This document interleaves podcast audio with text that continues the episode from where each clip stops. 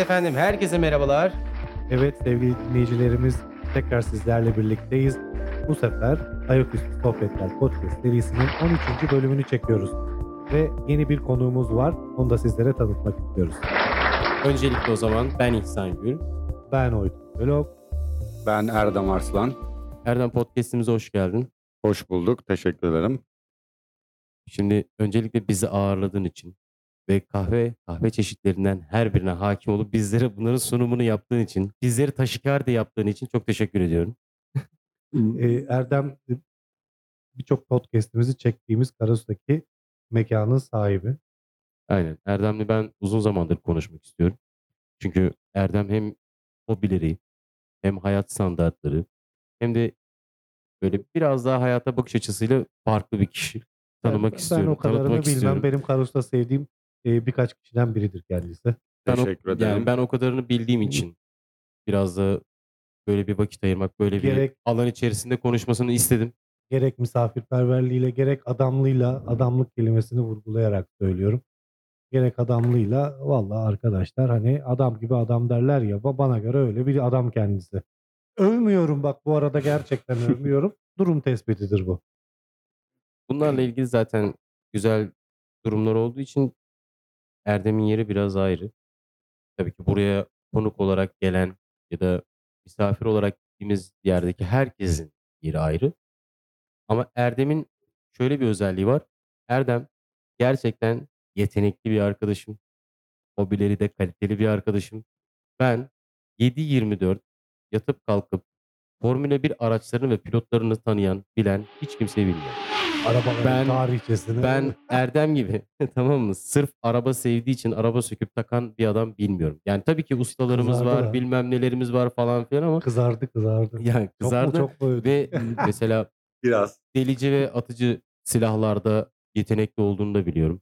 Bunlarda da çok Onların başarılı. hepsini hepsini konuşuruz. Hepsini tek tek hepsini. konuşacağız. Ben şeyi soracağım. Şimdi bambaşka bir yerden girmek istiyorum konuya.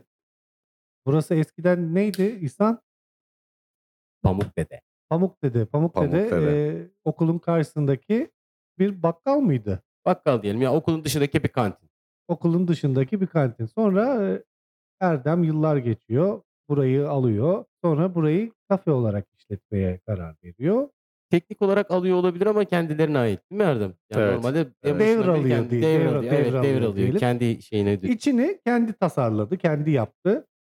Çoğunlukla Ve gerçekten de hani benim Bir moda modaya modada şey denize olarak bakan ne Kadıköy'e derler, bakan ne ev, derler? ev içerisindeki tasarım var tasarım yani. deme buraya ya. Tasarımda çok şey burada kalıyor. pek bir tasarım yok aslında. Ee, burada dağınık bir Aynen. görsel var. Salaş, Ama hani- salaşlık da bir, Salaş, salaş da tasarım. tarzdır, bir tasarımdır. Evet. Mesela senin duvarda labirent çizecek kadar geometriyle ilgilenmen, bak labirent çizecek kadar geometriyle ilgilenmen ve modern bir de klasik tarzlarda fotoğraflar, resimler, kitaplar bunları paylaşman ve burada çok özür dileyerek söylüyorum. Envai çeşit canlı barındırdığını, ya barındırdın demeyeyim de artık barındırdığını da diyebilirim. Çünkü kapıda üşüyen bir kedi buraya geliyor. Çünkü burayı biliyor. Erdem Evet. var burada diyor. Şu anda şu anda podcast'te bir köpek efendim 10 kedi. 3 yavru kedi bir tane anneleriyle beraber ben. çekiyoruz. 10 kedi. Salaş tabiri buraya çok güzel uyuyor.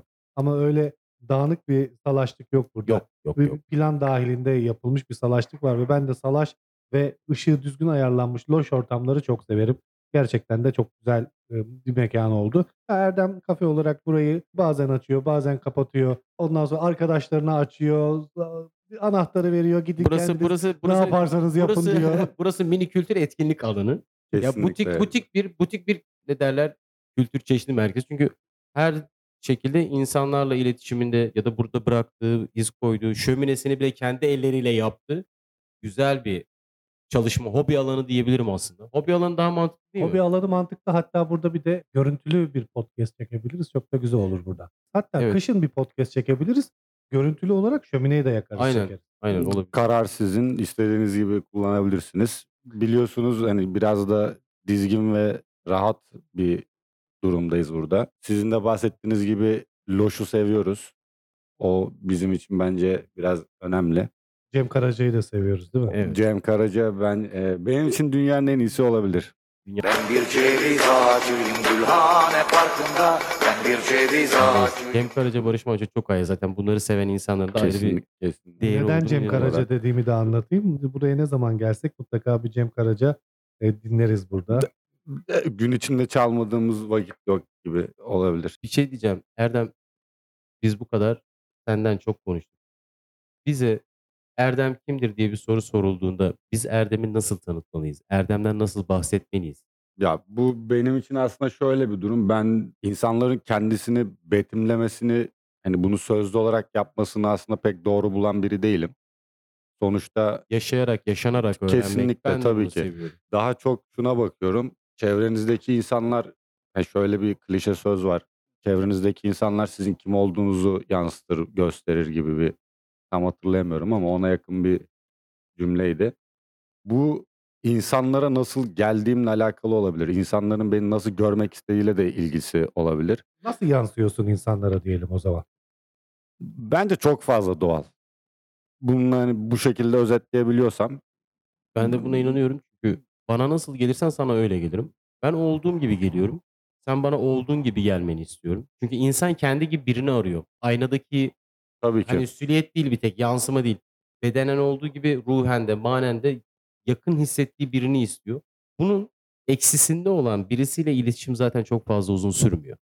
Fark ediyor musunuz bilmiyorum. Ama artısında olan insanla da yıllar geçse de ya da saatler geçse de kafanda şöyle bir şey oluyor.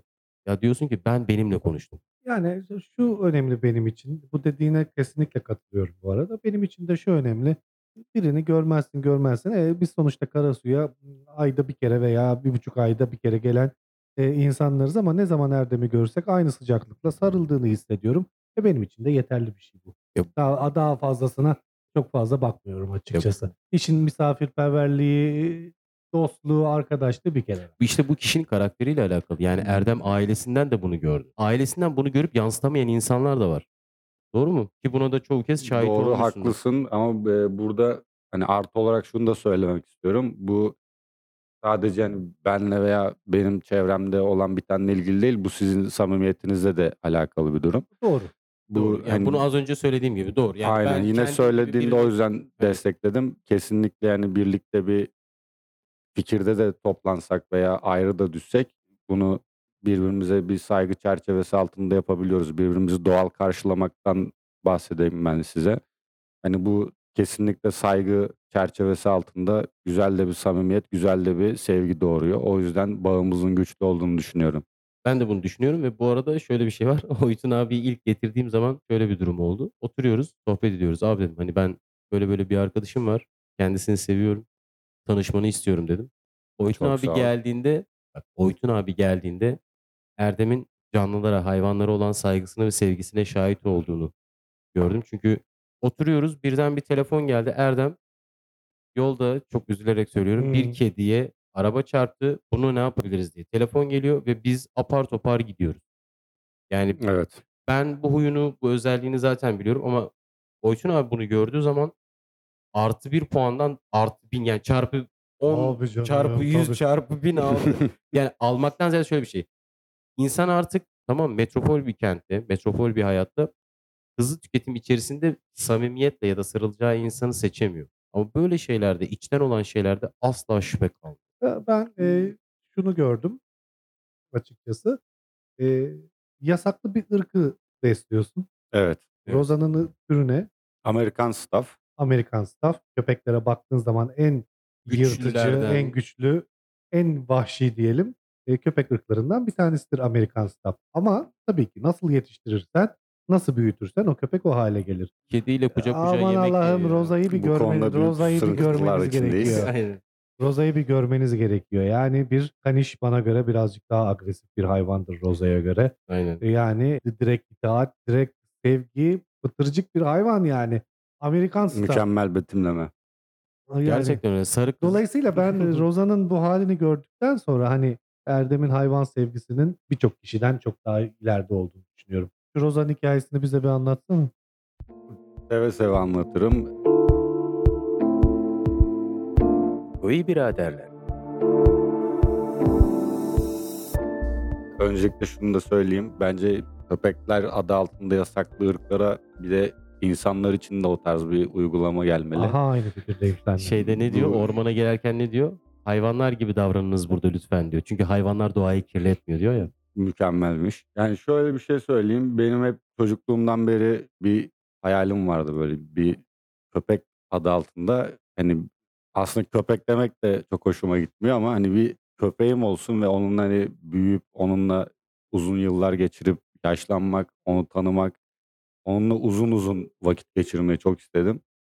Çok fazla köpeğim oldu. Sokakta küçükken köpek bulup bahçeye getirip bağlardım.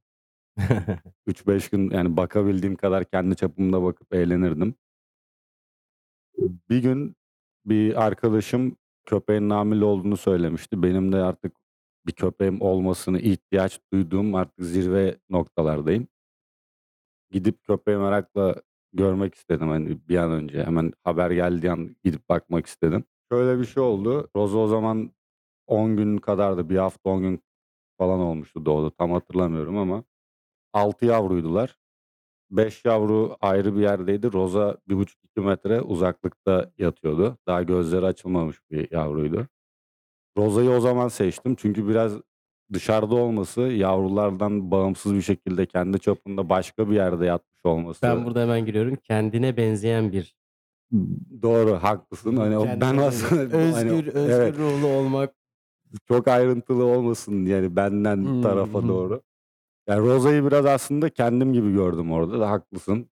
Güzel detayı yakaladın. Sen erken büyümek zorunda kalan bir insan oldun. Tabii yaşadığımız, hikayeleri evet, biliyoruz, yaşadığımız biliyoruz. O yüzden- olaylar çerçevesinde öyle oldu. Yani bazı şeyler yarım kaldı içimizde ama onunla da tabii ki mücadele etmeyi öğreniyorsun. Hani yoksa bırakmakla hiçbir şey olmuyor. Acı çekmiş insanların hayvanlara olan ilgileri daha mı fazla oluyor acaba?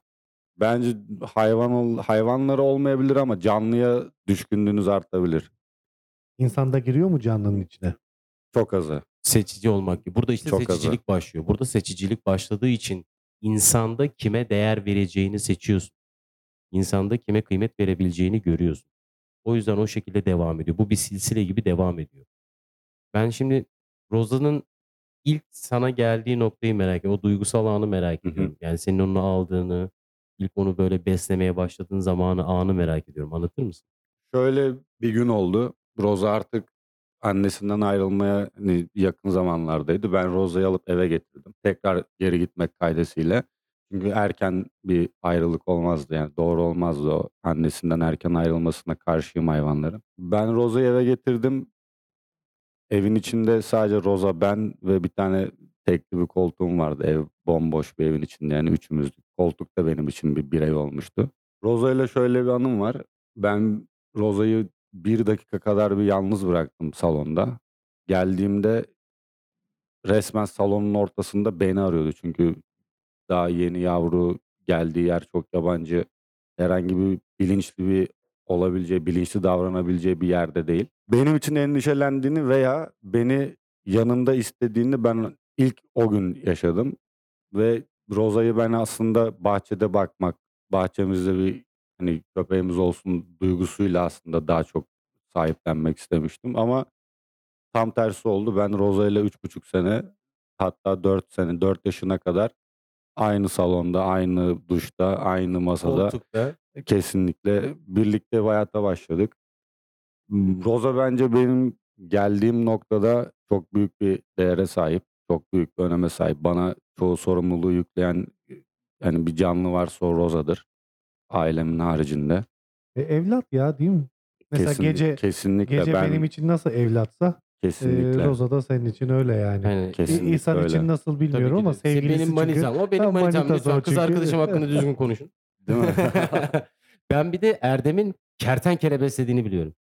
Kertenkele hariç iguana besledim iki Ya tane. ben yani şey anlamında böyle bir aynı Kertenkele. familya. Evet, ama Gelegiller. kertenkelem de vardı. Kuyruk, kuyruksuzdu onu öyle bulmuştum. Ona da biraz bakındım. Yine bir uğraşmış oldum. İguana soğukkanlı bir hayvan. Nasıl iguana bakan arkadaşlarım vardı biliyorum da e, garip bir his olsa gerek soğukkanlı bir hayvana dokunmak. Soğukkanlı bir hayvan ama ben aranızda o bağı kurduktan sonra soğukkanlı kaldıklarını düşünmüyorum. Tabii ki de onların hani bir duygu düşünce çerçevesinde size bir bağımlılığı olmayabilir ama Hani bir insan olarak biz aslında çok sevdiğimiz zaman bence o bağı kendi çapımızda kurabiliyoruz. Ben aslında şöyle bir duyguyla o işe ulaştım. E, o tarz hayvanlarda, egzotik hayvanların yaşam alanı veya yaşam biçimi, beslenişi onu ben daha çok gözetmek için, hani anlamak için, öğrenmek için aslında iguana sahibi oldum. Neydi isimleri? Birinin Paşa, diğerininki Gatlav'dı. Gaddav. Evet. O Gatlav benim için ayrı bir yani oyun dünyasında falan da çoğu Nick'i hep Bir de Erdem bir de Gatlav'dı. Erdem 13 hikayesi var zaten. İyi biraderler. Peki Gaddav'ın hikayesi nasıl oldu? Gatlav'ın hikayesi şöyle. Ben bir dönem askeri başarı yani askeri konularda başarı sağlamış, envantere koyulmuş mühimmat tarzı birkaç araştırma yaptım. Gatlav adı altında çok büyük bir nükleer silah yapılmıştı 60'lı yılların ortalarında. Şöyle bir durumdan bahsedeyim. Hani uzak doğuda genel bir korku salmıştı o zaman. Hani bu insan dönemini yavaşlatmayı bırakın hani kesinlikle bitirebilecek kapasitede, kapasitede bir bombaydı. Bunun bir tane İranlı bir boksörün kendi sağ eline koyduğu bir isimdi. Ben bunun hikayesini okuduğumda bayağı bir etkilendim. Yani hoşuma giden bir fikir oldu. O zamanlar ufak çapta hani kendi çapımızda biraz antrenman falan yapıyorduk yine boksör bir tanıdığımızla birlikte. Onu anlattığımda ben de o boksör gibi olmak istediğimi söylemiştim. Hayatıma Gatlav ilk o zaman girdi. Boksörlerde o dönemlerde eski tarihte yaşayan özellikle boksörlerde bu Muhammed Ali'de de var mesela. Güçlü olduğu koluna veya yumruğuna bir isim takarmış. Benimki de Gatlav oldu. Gatlav hayatıma öyle girdi. Aslında bir bombadan gelmiş olması biraz Ama komik bence, ama bence güzel bir yaklaşım ve güzel bir İronik- hikaye. Bence ironik çok, olmuş bence, biraz. bence çok mantıklı ve çok başarılı. Şimdi şunu söyleyeceğim. Erdem nereye koysan görevini layığıyla yapan birisi. Satranç gibi düşünün. Yani piyon olarak koy, piyon olarak görevini yapıyor. Şah olarak koy, şah olarak görevini yapıyor. Görev Ama- adamı diyorsun Ama yani. ama ve şunu net söyleyebilirim. Kale gibi hep doğru hareket ediyor. Görevini iyi yapıyor ama o doğruyu şey yapıyor. Ya biz sahneden indikten sonra kendimiz olmamız gerekiyor nokta Güzel var ya. tabir. Role giriyoruz ya. Role giriyoruz. O rol orada kalıyor. Biz sahneye indiğimizde kendimiz olmamız gerekiyor. Erdem de benim için böyle bir karakterde birisi. Erdem bu arada çok saygın, çok değerli ve Türkiye için, Sakarya için çok kıymetli birinin kardeşi. Buna ben değinmek istiyorum çünkü bu benim onur ve gurur duyduğum bir şey. teşekkür ederim. Yani şu an tüylerim diken diken. Çünkü bu o kadar kıymetli bir şey ki asla ama asla dedi ya hani içimizde bir şeyler yarım kaldı. Bunun karanlığında kalmadı. Bunu aydınlıkla, mutlulukla, sevinçle ve aynı saygınlıkla devam ettirdi. Ben çok çok takdir ediyorum bu konuda seni. Bahsetmek istersen ben çok memnun olurum. Bahsetmek isterim tabii ki. Bu durum artık biraz benim için normalleşti. 2008 senesinde rahmetli abimi kaybettik. Yani öyle söylemek de tuhaf geliyor hala ama ya bu bizim hayatımızı yani ailevi olarak hayatımızı her şeyle değiştiren bir olay oldu bizim için. Yani 15 yaşında bir çocuğun en çok güvendiği biri gitti yani her şey gitti. Benim için ben ben de kalmadım mesela öyle söyleyeyim size. Ama senin dediğin gibi karanlığa bakmaya devam etme duygusu yanlışlar olmadı mı oldu tabii ki. Hani çoğu şeyi fazlasıyla göz ardı edebildik.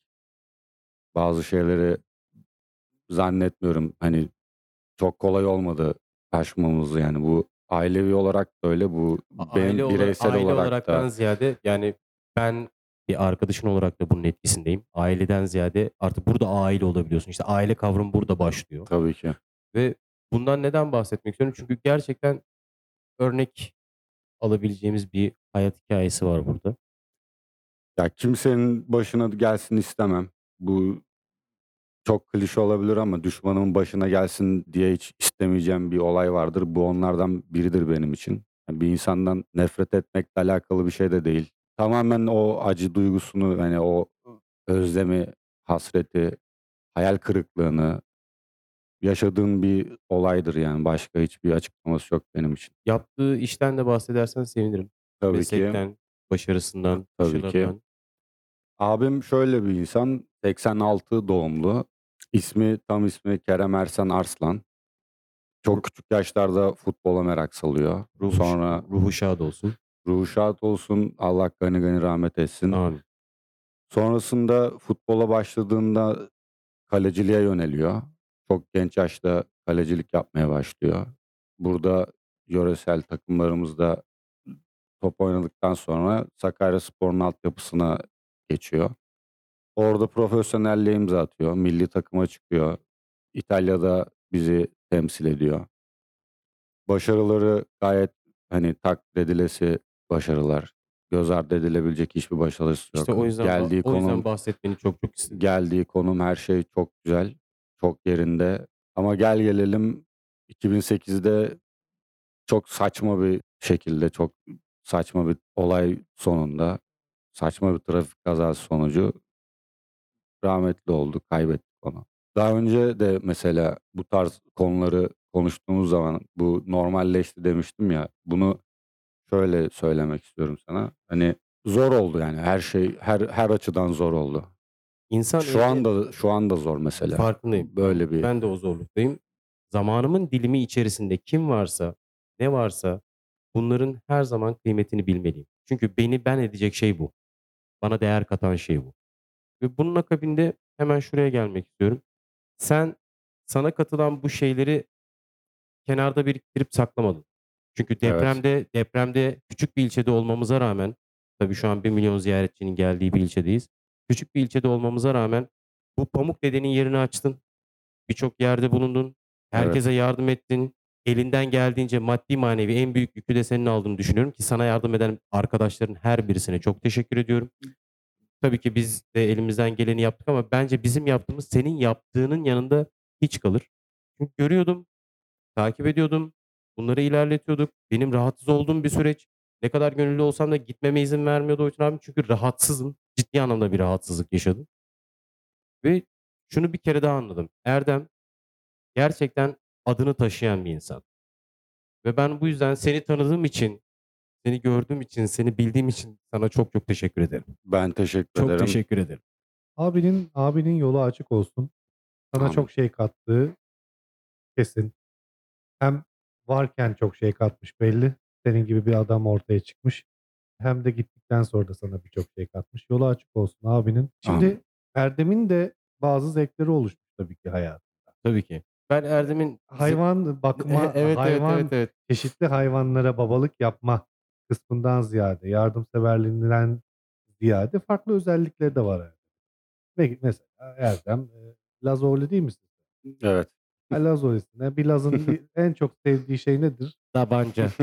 E, Ateşli silahlar. ateşli silahlara karşı da bir ilgisi var. E, yani yumruğuna e, bir nükleer bombanın ismini veren bir adamdan da ekstra ne bekleyebiliriz zaten değil mi?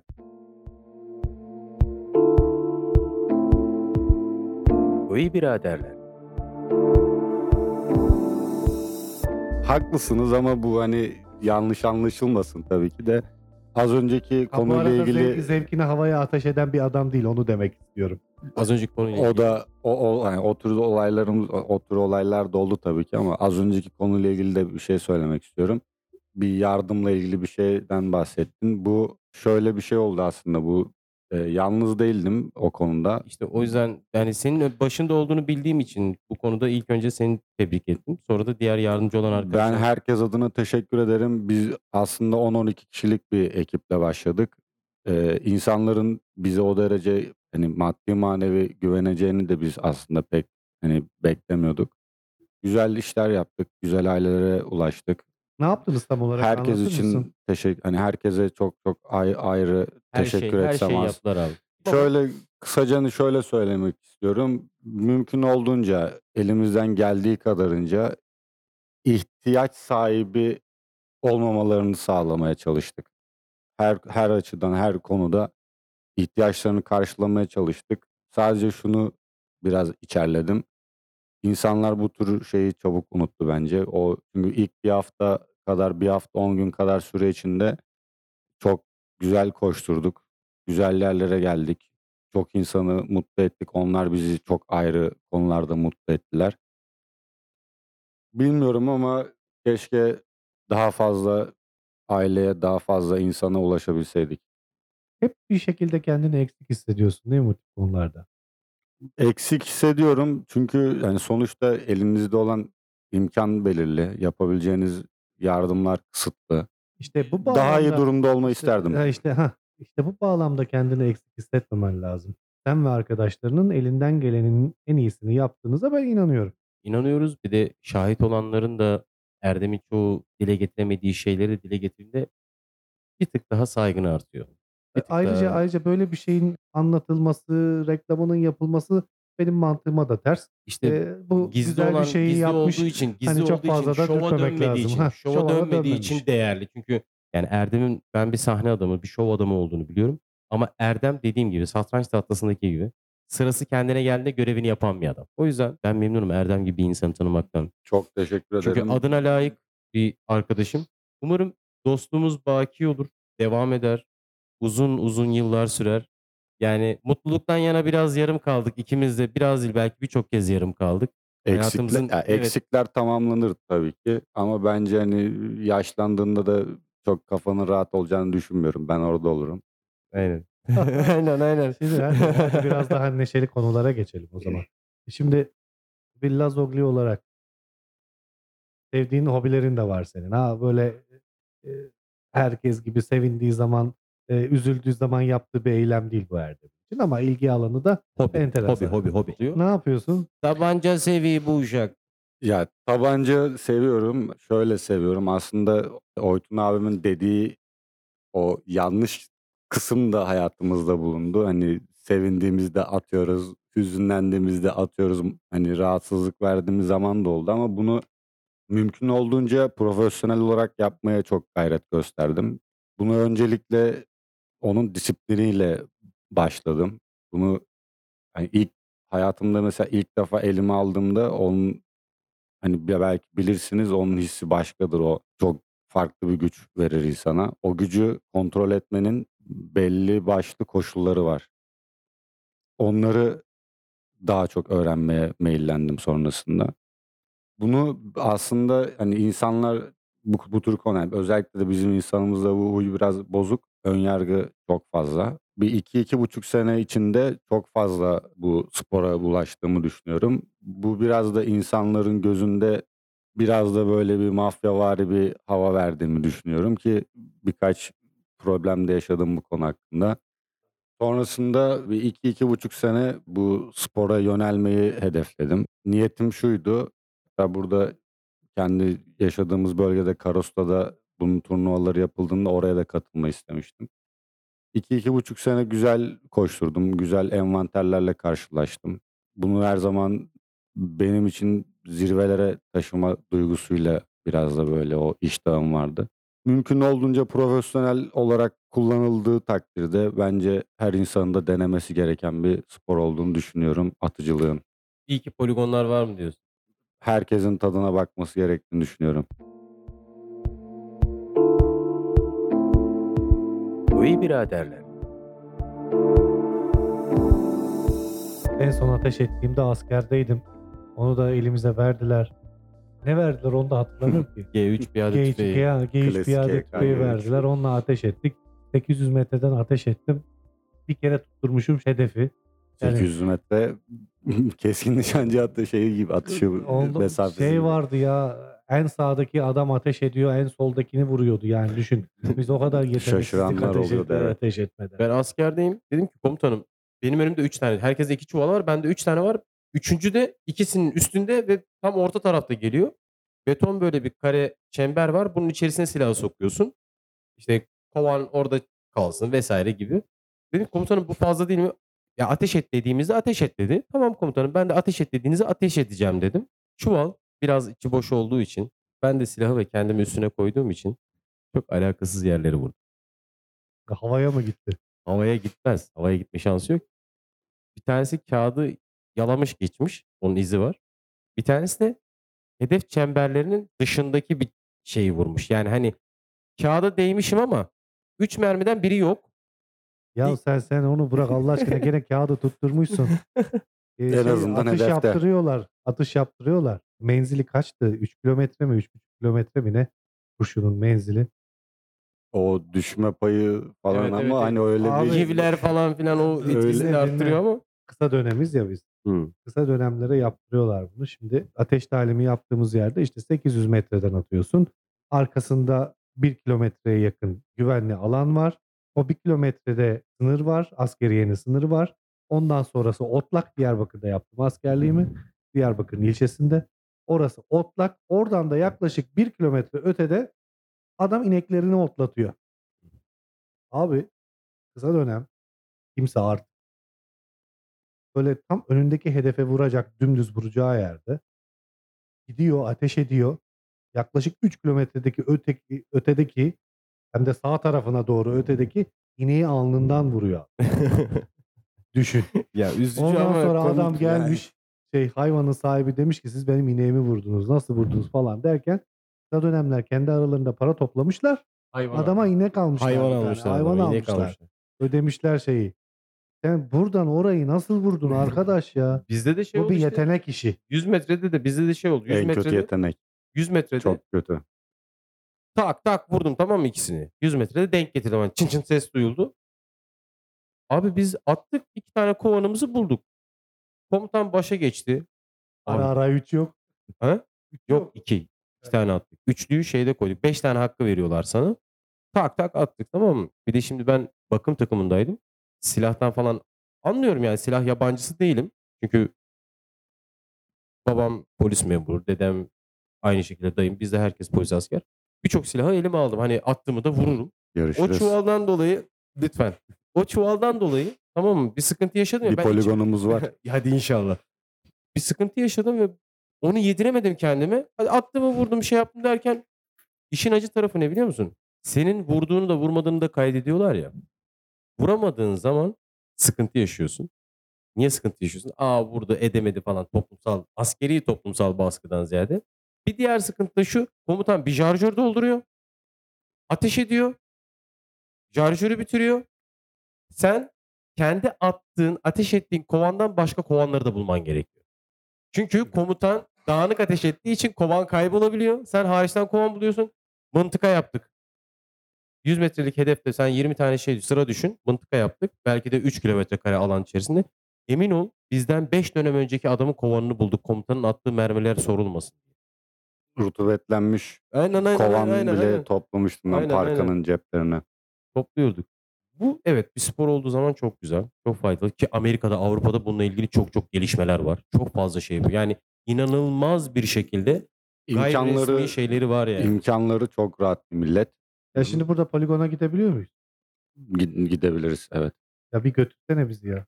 Çok iyi stres. Açık, gel- çok iyi açıkta stres atılıyor. gidebiliriz. Çok iyi Kapalı stres poligona da atılıyor. gidebiliriz. Ya bir Karadeniz olarak bilirsiniz. Yaylaya giderken böyle ateş edersiniz. Ben geldim diye. Yayladaki biri de ateş eder. Hoş geldin Cevap diye. verir. Cevap verir yani. Çok güzel olur. Peki biraz da bu Atmazsam mermin mermin kalmamış diye dalga geçirilir. Aynen aynen dalga geçe. Bu kesin İstanbullu bu derler falan tamam mı geldiğin zaman.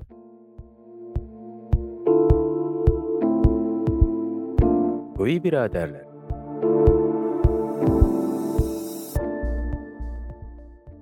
Malum bu spor hız istiyor. Atiklik, çeviklik istiyor.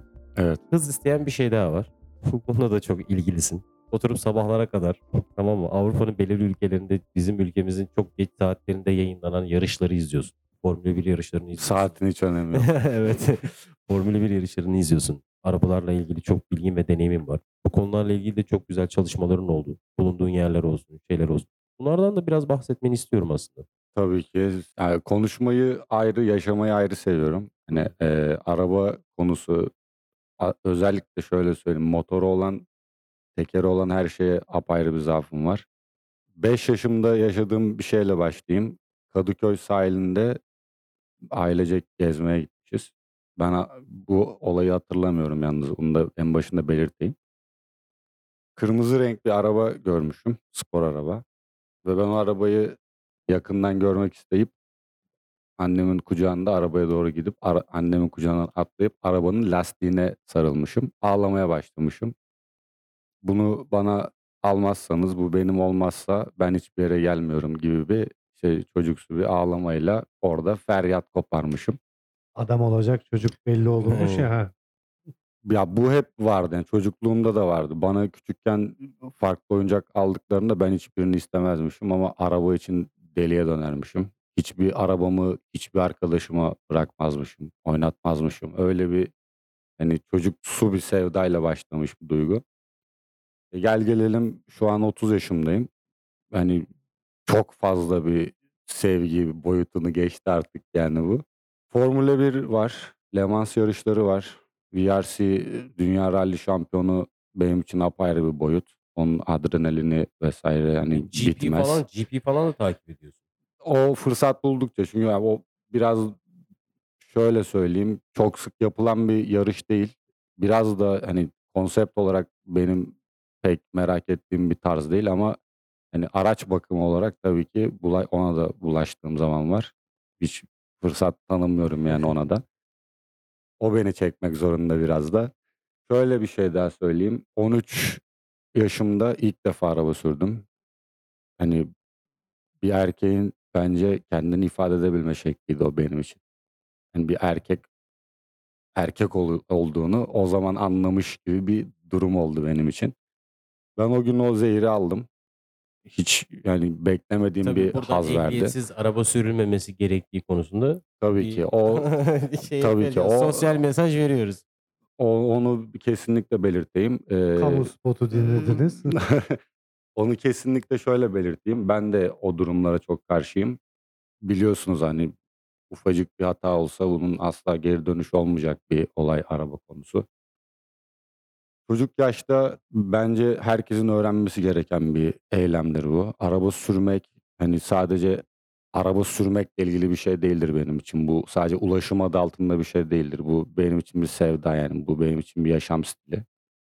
Bunun için de tadına bakmak için veya bunu yaşamak için çok güzel şanslara da denk geldim. Belli başlı akrabalarımın yaptığı araba işlerine dahil oldum.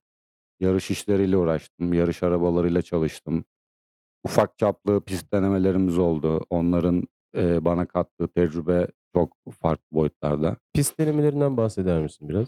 Tabii ki güncel veya stok arabaları swaplamayla başladı her şey. Aslında bu biraz da modifiyeye giriyor ama daha çok hani mekanik olarak bir modifiyeye düşkünlüğüm var. Makyaj değil, makyaj modifiye değil Aynen, makyaj- daha teknik, daha içerikli, Evet. aksamlı. Evet makyaj kısmı şöyle aslında slipper dediğimiz bir modifiye vardır dış görselde.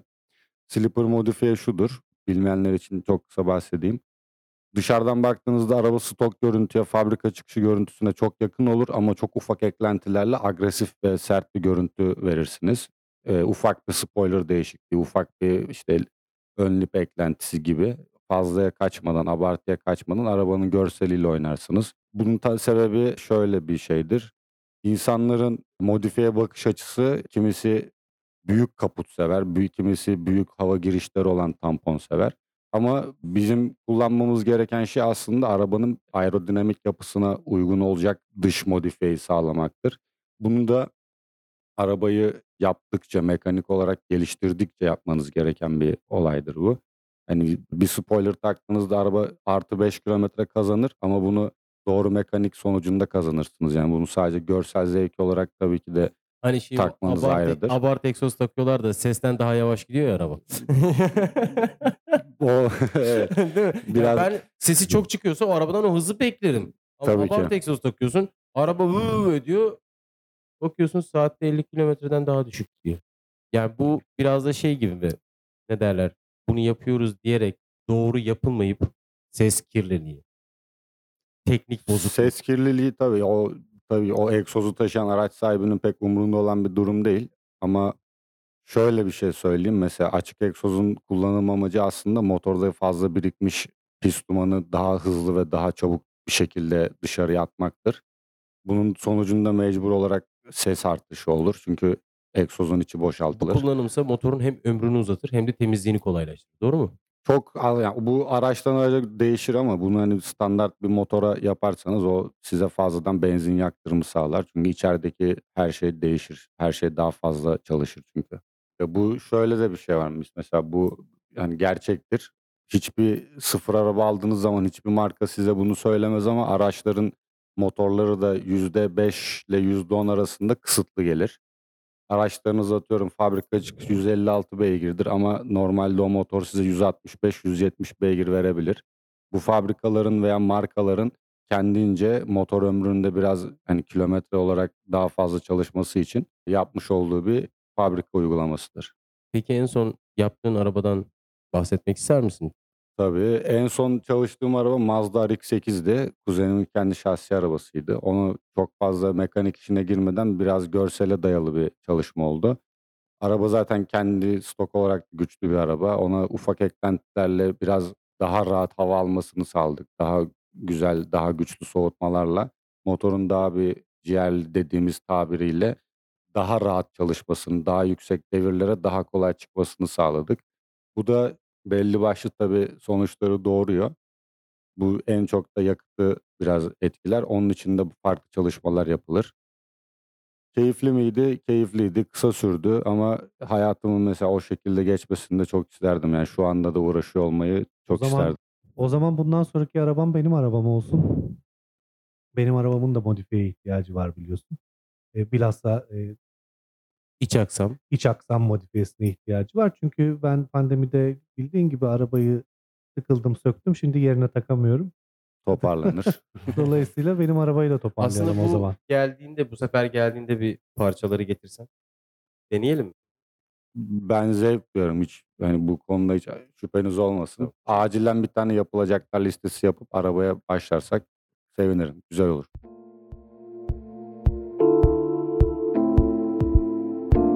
Koyu biraderler. Peki İstanbul Park'taki çalışmalarından bahsetmek ister misin? Tabii ki İstanbul Park'a iki sefer uğradım. Harika bir atmosfer. Orada ufak çaplı bir yarış dahi planlanmış olsa, bir organizasyon olmuş olsa her insanın katılmasını çok isterim. Oradaki atmosferi yaşamasını çok isterim. Bunu şey gibi düşünebilirsiniz. Yeni bir stat yapılır. Taraftar deli olur oradaki atmosfere. Pistte siz o atmosferin farklı bir halini yaşatır. Araçlar orada çok özgürdür. Sokakta gördüğünüz gibi otobanda duyduğunuz sesler orada asla aynı değildir. Her şey çok farklıdır. İstanbul Park'a ilk gittiğimde oraya 8 tane swaplanmış, aşırı beslenmiş araba götürdük. Yaklaşık hepsi hani ortalama 850 beygir civarındaydı. 400 tork, 450 tork civarları. Bunlar çok yüksek değerler o tarz arabalar için. Doğukan Manço'nun bir klip çekimi vardı. Doğukan Manço da kendi arabasını getirmişti. Kuzenimin çalışmış olduğu garajdan arabalar geldi. Güzel, sağlam bir klip oldu. Süper sport arabalar çıktı. İstanbul Park'taki müzeyi gezme imkanını bulduk. Orada ben hayatımda ilk defa Formula 1 aracı gördüm. Bu Michael Schumacher'ın sürmüş olduğu Ferrari 2004 MP4 seri aracı canlı görmüş oldum. 1000 milde 6.7 litre Chevrolet SS görme imkanını buldum.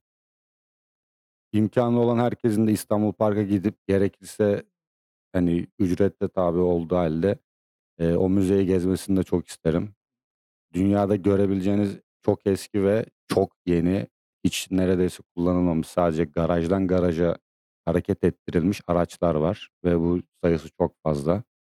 Yani araç severlerin gitmesini çok isterim. O atmosferi yaşamasını çok isterim. Onun harici pist demişken Formula 1 ülkemize uzun bir aradan sonra tekrar katılım gösterdi. Bu biraz da geç oldu ama İstanbul Park'ı çoğu F1 pilotu çok sever. Çünkü pist çok hızlı bir pist. Bir de zor bir pist diye biliyorum. Evet zor bir pist. Zorlanıyorlar da zaten. Geçişler üst üste olabiliyor. Virajlar oldukça rahat. Yüksek hızlarda, yüksek süratlerle geçişler yapabileceğiniz bir pist. Ben isterim ki her sene Formula 1 etkinliği olsun. Formula 1'i insanlar çünkü biraz da arabalar birbirini geçip duruyor dedikleri bir yarışa döndüğü için hani insanların gözünde. Ben bunu kırmayı çok istiyorum.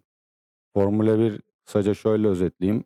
Fiziğin bol olduğu, elektroniğin çok fazla olduğu, araçların sürekli geliştiği, şoför etkisinin bunlarla sonuçlanıp, harmanlanıp muazzam sonuçlar doğurduğu bir spor. Zevkli bir spor. Zevkli Çok zevkli Çünkü bir spor. Öğrendikçe de size hani daha zevkli gelen bir spor Ben öyle bunun hem söylemek yani gerekirse. o pistlerde araba sürme eğitimini, ileri Hı hı. teknik diyorlar ya, ileri teknik hı. eğitimini alan bir abimiz vardı tiyatroda beraber çalışıyorduk. Adam öyle bir araba sürüyor ki yeni ehliyet almış birisi gibi araba sürüyor ama adamın elindeki belge şu. Formula 1 pistlerinde araç sürme yetkisi vardır. Tüm teknik ve donanımlara sahiptir. Safety car mıydı adam? Bilmiyorum. Benim o Harika bir şeyini, meslek. o şeyini bilmiyorum. Adam ama o kadar mazın sürüyor ki abi. Adamdan hiç el freni, debriyaj gaz basıp da böyle dönecek dönecek falan beklemezsin yani. O kadar beyefendi sürüyor ki bahsedildiği zaman da bunda yanındaki bir arkadaşı geliyor. Bizim tiyatroyu izlemek için yanındaki bir arkadaşı geliyor. Arabayla bizi götürüyor. Ya bir iki numara yapsana. Çin, şu an Çin'de çalışıyor kendisi. Çin'de pandemide de Çin'deydi. Bir iki numara yapsana. Hayır diyor pistte değiliz diyor. Pistte olmadığın Haklı. sürece diyor ya da çok acil bir durum olmadığı sürece diyor. Çok acil dediği durum da ya savaş halidir ya işte yangındır işte ne bileyim ambulans gibi durumlar. Bu adamın her türlü aracı sürmeye yetkisi varmış biliyor musun abi? Ne kadar güzel. Ben e, zamanında İstanbul Park yetkilileriyle röportaj yapmıştım. Beni bütün e, tesisi dolaştırmışlardı müzede dahil olmak üzere. Hatta e, arabamla beni piste soktular. Dediler ki pist senin. İstediğin gibi git. Tadından Arkadaş ya yani tadı çok güzeldi de bak, herkese nasip korkunç, olacak bir şans değil. da yani ben İstanbul Park'ta ciddi e, pistte araba da kullandım ya. O izni bana vermişlerdi. Çok güzel bir yer bu arada. Limitleri yaşamak, limitleri yaşamak da çok ayrı bir duygu. O yüzden yani, muazzam bir Ben şans. her zaman ben her zaman söylüyorum. Kendi versiyonunun en üstünü yakalayacaksın abi. Kendi versiyonunun yani. en üstünü yakalayacaksın. Üst noktasını yaşayacaksın ve diyeceksin ki abi ben yaşadım. Ben gördüm. Bundan sonra rahatım. Çünkü bunları tattığın zaman o dedin ya hani kendini hissetmek. Hı hı. İşte bunu gerçekten limitlerini benimsiyorsun, limitlerini bence her konuda zorlamalısın. Yani bir insan olarak bence her insan limitini bilmeli ve bir üstüne de çıkabilir. Yani bunu Limitini zorlamadan da bilemiyorsun ne olduğunu. kesinlikle. tabii ki de risk almadan büyüyemezsin. Ama bu Kesinlikle. limitler nasıl olur? Bu limitler kendinle alakalı. Başkalarını rahatsız etmeyen, seni tatmin eden ve senin bu gelişiminle örnek olabileceğin limitler olması lazım. Adam ne yaptı? Pist dışında ben bunu yapmıyorum. Çok acil bir durum olmadığı sürece ben bunu yapmıyorum. Yani o adam bir yol yarılmasında ne yapmasını gerektiğini biliyor ve oradan atlayarak uçarak gidebilir. Ama kırmızı ışık bekliyor.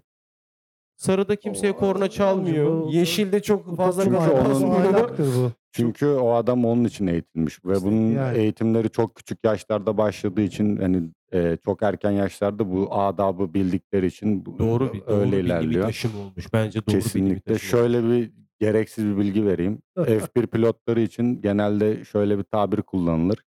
Sivil hayatlarında sürdükleri araçların içindeyseniz viraj döndüklerini anlamazsınız. Hep düzlükte gidiyormuşsunuz gibi araba sürerler derler. Bence hiç Gene- bence hiç gereksiz bir bilgi değildi. aynı aynı fi tarihinde birçok Türk raliciyle de e, röportaj yapmıştım. Hepsi de aynı şeyi söylerdi. Biz inanılmaz dikkatli araba kullanırız normal yolda. Pistte ne kadar rahatsak ve fütursuzca gidersek trafikte de bir o kadar dikkatli ve sakin araba kullanıyoruz diye öyle Yaşam tarzı oluyor bence o insanlarda zaten- biraz da. demişti. Kim demişti bak onu hatırlamıyorum geçmiş zaman. Biz zaten hız zevkimizi pistte tatmin ediyoruz. Normal yolda hız Yani yapmaya it- gerek a- görmüyoruz demişti. İhtiyaç duyacağı bir konumda değil Tabii bence çünkü. öyle. Yani artık bilinçli bir spor Hı hı. olarak atıcılık yapıyorsan, bilinçli bir spor olarak sürücülük yapıyorsan artık senin bu şeyin dışarıda tatmin etmek ya da şova dönüştürmek gibi bir durumun kalmıyor. Görmek istiyorsan yeri var, kuralları var ve örnek bir insan Kesinlikle. olmaya başlıyorsun. Benim için Erdem yaptıklarıyla, hayatıyla, standartlarıyla örnek bir insan. Onu ağırlamaktan çok İyi memnun adam, oldum. iyi adam. Ben seviyorum. Adı gibi, adı Çok gibi bir teşekkür insan. ederim. Adı gibi bir adam. Doğru söylüyor. Bugün bugün çok fazla şımartıldığımı düşünüyorum. Estağfurullah, estağfurullah. Yavrucuğum bizim Utanmama- şeyimiz var. Birbirimizi övme seanslarımız var. Evet. Onlardan birine denk geldi. Utanmama müsaade var mı? Tabii İki ki, var, dakika. var. tabii ki, tabii ki de. Ama bizim birbirimizi övme seansımız da yani bir çenç olayı değil. Realite içeren bir durum. Çünkü biz burada hem hobimizi yapıyoruz hem sevdiğimiz bir şey yapıyoruz ve sevdiğimiz şeyleri paylaşmak bizim için önemli. Şahsım adına benim için çok önemli. Ben sevdiğim bir şey paylaşmayı severim. Çünkü benim karşımdaki insan bunu hak eder. Ve bu sevginin içerisinde sen varsın. Senin olmayı kabul ettiğin o mutlu güzel insan dairesi de var.